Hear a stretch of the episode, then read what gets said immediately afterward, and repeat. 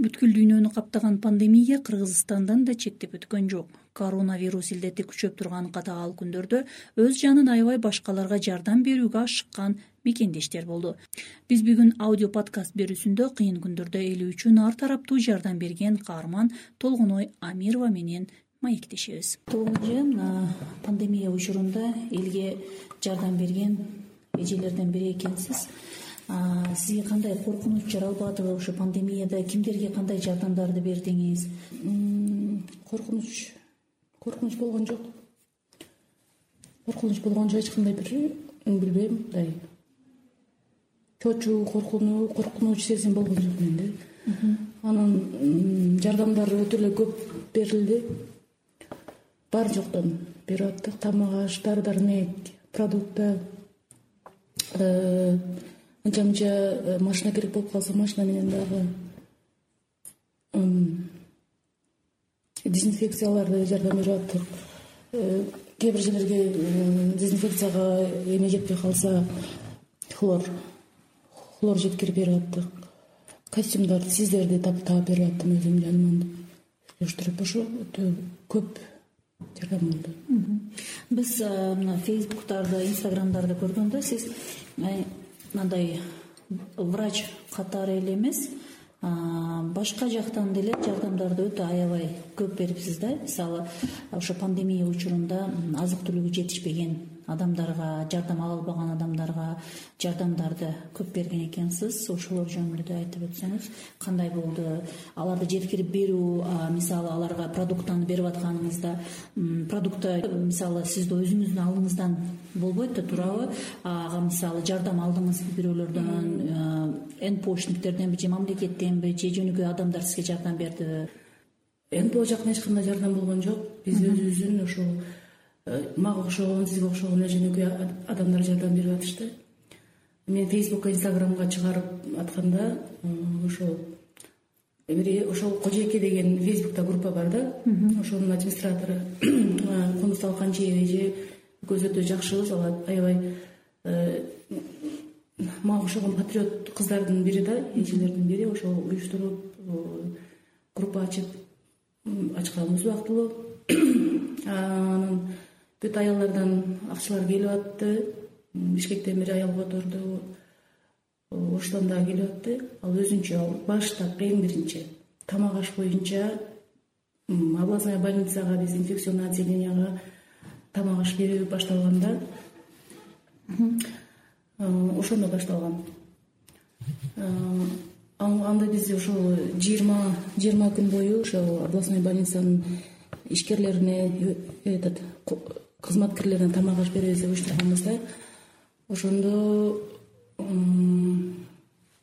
бир он беш күндөй э, биз алар топтогон э, фейсбуктагы эжелердин топтогон акчасы где то бир он беш күн он төрт күнгө гана жетти да. Ал убакта биринчи башталганда кишинин саны отуз үч болчу отуз үч элүү алтымыш сексенге чейин барып аткан кийин акыркы күндөрү мен эми главврачтарга ошо администрациясына жыйырма күн деп айткандан кийин жыйырма күнгө мен жеткиришим керек эле да. Ошондуктан э, мен өзүмдүн калган точно эсимде жок бир беш күн же бир жума мен өзүмдүн жеке үй бүлөмдүн бюджетинен жолдошумдун колдоосу менен жүз жыйырма кишиге тамак берип аттык да. Чындыгын айтканда акыркы күндөрү отунубуз дагы болбой калды. Ошо ар кимге айтып отун алып келип берип атышты да ошол поварды жалдап иштетип аттык. А мына айтып атасыз ошо больницага алып кирип бергенге баардык больницалар дээрлик баардык больницаларда ошол убакытта ошо оорулуулар жатты эле да. Бул э, сиздин эмеңизге өмүрүңүзгө коркунуч жаратат да. Ошондой убакытта кантип кирдиңиз? Мен фейсбукта көрдүм сизди ошо спец одеждалар менен киргениңизди. Бирок баары бир өзүңүзгө же болбосо үй бүлөңүзгө болсо деле ошону жугузуп мисалы носитель катары. Алып киришиңиз деле мүмкүн эле да? Ооба мисалы күйөөңүз кандай карады ошого? Күйөөм өтө кыжылат болуп атты өтө кыжылат болуп атты чындыгында э, кичине мындай э, запрет коюп аткансыды бирок мен ага түшүндүрүп айтып аттым анан балдарым үчүн коркунуч болуп атты келип болушунча аларды алыстап э, өзүмчө изоляция келгенде өзүмчө жалгыз болгонго аракет кылып аттым бирок баардык мен медик болгондон кийин баардык э, эмелерин колдонуп өзүнүн эрежелерин колдогону үчүн эч кандай болбоду. Экинчи этапта ошол тиги биринчи биз жеңебиз деген кичинекей бир коом уюштуруп анан экинчиси мен өзүм мен өзүм уже менин үйүмдөгү жардам берип средстволор уже баштай аз калды түгөндү да анан элдер жардам сурап атат сурап атат улам жетишпей атабыз бизчи. Анан ошондо ойлонуп фейсбукка жаздым да жети нан деген эме түзүп бир группа. Анан мен баардыгына жарыяладым ким жардам бере турган болсо ишенсе бизге акча жөнөтсүн деп эметкенде көпчүлүгү колдоп беришти. Өзүмдүн айылдаштарым которду коллегаларым которду ошентип биз э, продуктанын маселесине баардыгыбыз чогуу чечип чектерин көрсөтүп глобустан жасап аттык. Аябай жакшы продукталар таркатып аттык анан продукталарды таркатканда э, элдик штабтын деген ошол мезгилде коом ачылган ошонун балдары жардам берип атты. Биз продукталарды кайсыл жерлерге алып бардыңыздар ошондо? Баардык жака алып бардык. Он адырга нариманга э, бул жактан кеңеш теке южный даже эдельвейс деген тиги эмеде э, дача бар төлөкөн жактагы. Ошол жака чейин бардык. Бул жагы отуз адырга чейин бардык даже келе албай калгандарды через ошол э, водитель э, главврачтын водителин шоферунан ошол жалап аттык бала эле ошодон берип аттык. Через берип атып ушул жерден тосуп аласың күтүп аласың деп. Анан ошолордун бери мончакты жардам бергендерибизге до сих пор мамиле кылабыз. Саналуу эжелер бар. Арасында мен ошолордун арасынан тандап тандап чындыгында муктаж болгондорду өзүмө списокко сактап калганмын кечээ эле жакында эки эже келип айсен ушу добромедден миң сомдон акча берип турам ошолор келип алып кетишти. Анан дагы ошол жети нан деген бергенден кийин бул группа фейсбуктан кийин өзүбүзчө жакын дагы ошодон тандалып калгандар ватсаптан группа ачтык ватсаптан группа ачып ал жерге ошо жыйырма бир адамды киргизип менин оюм боюнча ай сайын жыйырма бир инвалидке жардам берип турам деп жыйырма бир кишиден мүчө түздүк да түзүп эме кылганда анан голосовойлорду жөнөтүп сүйлөшүп аттык кыздар ошондо америкадан аселя деген кыз. Апасына арнап апасы өтүп кеткен эле ошонун арбагына багыштап э, толмай эже мен америкадамын мен сизге ишенемин сиз баары жака чыккай кылып иштейсиз. Менин атыман ошо апама арнап ал өзү ошол кой союп этин таркатып бериңиз деп айтып келе анан кийин дагы ошол эле мезгилде э, россиядан эки үч чыгып калды. Ошондой алар э, азыраак эле сумма которушту өзүңүздүн биздин ошол көңүлүбүздөн чыгарганыбыз ушул. Ошолорду кошуп бериңиз деп. Анан эл сомдон мен эл сом ачып койдум. Эл сомдон өтө көп акчалар келди. Бир ошо жыйырма бир миң мен айткан сумма топтолду жыйырма бир миң топтолду ошо жыйырма бир миңге миң сомдук пакет го жыйырма бир кишиге мына уже пандемия спад болуп э, калган мезгилде акыркы жардамдар ошо болду. Как раз айт.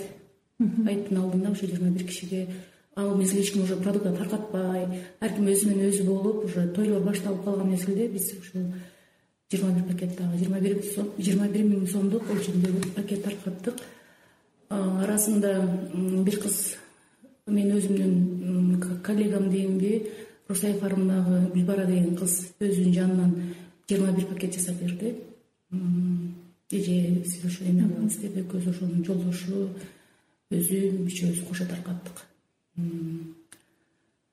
Анан көпчүлүк эле мага эмне эң кызыгы болгону ошо фейсбуктан жардам сурагандар өздөрүнө эмес жанындагы кошунасына же тууганына ошол ошолорго сурап атышты да. Көпчүлүгү мессенджерден келип атты жардамдарга мен ушундай кошунам бар эле ушуга жардам берип коюңузчу мындай биз ушундай бүт өзүнө эмес ошо башкаларга жардам берип аткандарга мен ушунчалык ыраазы болдум да. Биз баардыгына бирдей тандап э, эметкен жокпуз колубуздан келишинче бар жокко хбк черемушка ак тилек южный бүт юго восток шаардын бүт баар жагына чейин таркаттык толгон эже мына сиз частный клиникалардын бирин башкарасыз экен. Ошо частный клиника ушул убакыт пандемия учурунда жабылып калды деп айттыңыз эле да мурда. Ошо жабылып калган учурда сиз как медик катары дарыгер катары элге кантип жардам бердиңиз? Мен өзү жияда бизнес деген бизнес план барго жыян ошодо мүчөмүн да мен балдарга айттым ушу мен жардам берейин деп аттым эле. Эки медсестрага гонорар бериш керек. Эки медсестрага гонорар бере эле дагы менин оюм боюнча бир эки жума эки жума акысыз капельницаларды коюп берели деп айттым. Алар өтө колдошту бирок ар ким өз өзүнчө жардам бергендигине байланыштуу.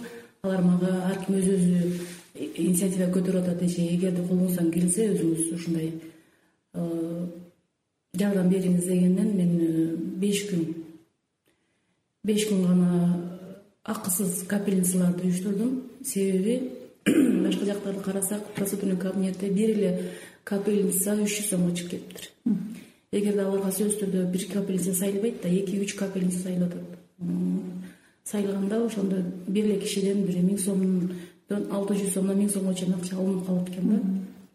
Ошого мен кыздардан суранып э, өзүмдүн бир медсестра кызынан суранып э, күнүгө эки миң сомдон берип э, ошо иштетип аттым беш күн. Акысыз акция деп жарыяладым ал өзүнүн бир жардамчы кызын алып келип дагы ошо күнүгө бир минимум кырктан максимум алтымышка чейин пациенттерге акысыз капельница алып аттык. Э, бир пациент сөзсүз түрдө бир эле капельница менен кетип калган жок. Сөзсүз түрдө үч бир э, пациентке үч процедура жасалып атты мисалы үчүн внутривенно бирөө струйный сайылса экинчиси капельница үчүнчүсү внутримышечный это минимальный ошондо ал эми бизде процедурный кабинетте прейскуранттар бар атайы жүздүккө мынанча эки жүздүккө мынанча төрт жүздүккө мынанча дегендер бар. Ошол прейскуранттар менен э, эсептеп келгенибизде өтө эле жакшы эле суммага жардам бердик да. Ошо колунан келген ошо болду. Ошондой эле примерно күнүгө бир элүүдөн жардам берсек э, беш күндө бир эки жүз эки жүз элүү пациентке акысыз жардам бердик. Жакшы. Андан сырткары мына ысык көл жакка дагы кара көлгө дедиңиз беле. Ошол жакка да барып келипсиздер мен ошол социалдык тармактарда деле сиздин инициативаңызды көрдүм да. Ооба ошол бизде уже спад болуп коюшту бүт обсервациялар жабылып э, калганда ысык көлдө күчөдү да. Ал жакта окусак бир бир эле семьядан медиктин семьясынан үч киши өлүп кетти. Көп өлүм болгондон врачтар жетишпей жатат деп э, мен фейсбуктан көрүп калганда мен сразу эле айттым да. Болуп атпат экен ак халат жандары э, кимиңиздер барасыздар э, барып көлүктөргө жардам берип келели деп инициатива көтөргөндө мессенджерден бир экөөсү жазды. Как раз ошол мезгил жанагы ай тарапага туш келип калганда биринчи экинчи август болуш керек. Бул жакта мен пропка таркатып жүрөм. Экинчи жагынан сыяк түшүрүп атам уже ошентип телефонум тынбайт ошентип эметкенде анан администрацияга билдирүү жараттык. Бизге дароо эле зам губернаторго киргизишти ал уруксат берди. Аябай жакшы сунуш көтөрүп атсың ошол сунушту биз көтөрүшүбүз керек эле. Биз ошону көтөрө албай аттык эле силерге рахмат деп э, зам губернатор ошолордун арасынан жардам бергени э, секретары стат секретары нуркыз кадырбековна өтө жакшы жардам берди. Бирок мына ошондой кыйынчылыктар мисалы ошо ош тогу кырдаал мына көлдү кырдаалды көрүп келипсиз да. Эми ошо пандемия мына элибизге журтубузга келгенде ушундай сыноолуу күндөр сизге канчалык деңгээлде таасир көрсөттү деп ойлойсуз. Мисалы канчалык деңгээлде оюңузду канча жакка бурду деп ойлойсуз? Кандай таасир этти? Элдер азыр өздөрү да түшүнүп калды. Мурдага караганда кыйла элдин психологиясы аң сезими бирин бири өстү бири бирине болгон аяоо сезимдер ойгонду бир туугандардын арасында жакындык пайда болду. Бул да өзүнчө бир сыноо болду да мен билбейм бул дүйнө жүзүндөгү болгону менен биздин кыргыз элибизге кыргыз элибиздин арасындагы мен өзүмдүн айлана чөйрөм ошол тууган уруктарыбыздын арасында эле мен айта кетсем ушунчалык бир сыноо болду. Баардыгы уже даярдык даяр болуп калышты да. Бул жашоо утурумдуу экен. Кайсы убакта кандай болуп кетиши бул бир гана алладан да ошондуктан кандай десем главный ден соолук болуш керек э, туура түшүнүш керек бири бирин колдош керек кубатташ керек. Анан жанагындай майда чүйдө проблемалар ал боло берет ал болуп келген ошо менен жашоо уланат ошол нерселерге маани бербей э, алдыга кадам ташташыбыз керек. Кыргызстанды өнүктүрүшүбүз керек. Кыргызстанды өнүктүрүү үчүн биз э, майда чүйдө болгондугубуз менен убагы келгенде ошол бизден сабак алгандар көбөйөт журдактап тамырлашып кудай кааласа кыргызстаныбыз бир чоң көрүнүктүү бутуна турган мамлекет болушуна мен ишенем рахмат чоң сизге элге мындай жакшылыктарды кылгандар көбөйө берсин дейбиз. Сыноолуу күндөрдө эли үчүн кызмат кылган каармандарыбыз аябай көп. Алар каерде качан болбосун жардамга шашып турушат. Биз бүгүн ушундай адамдардын бири толгоной амирова менен маектештик. Кийинки уктурууларыбызда дагы мына ушундай каармандар менен тааныша аласыздар. Булар биздин кыргызстандыктар. Рахмат чоң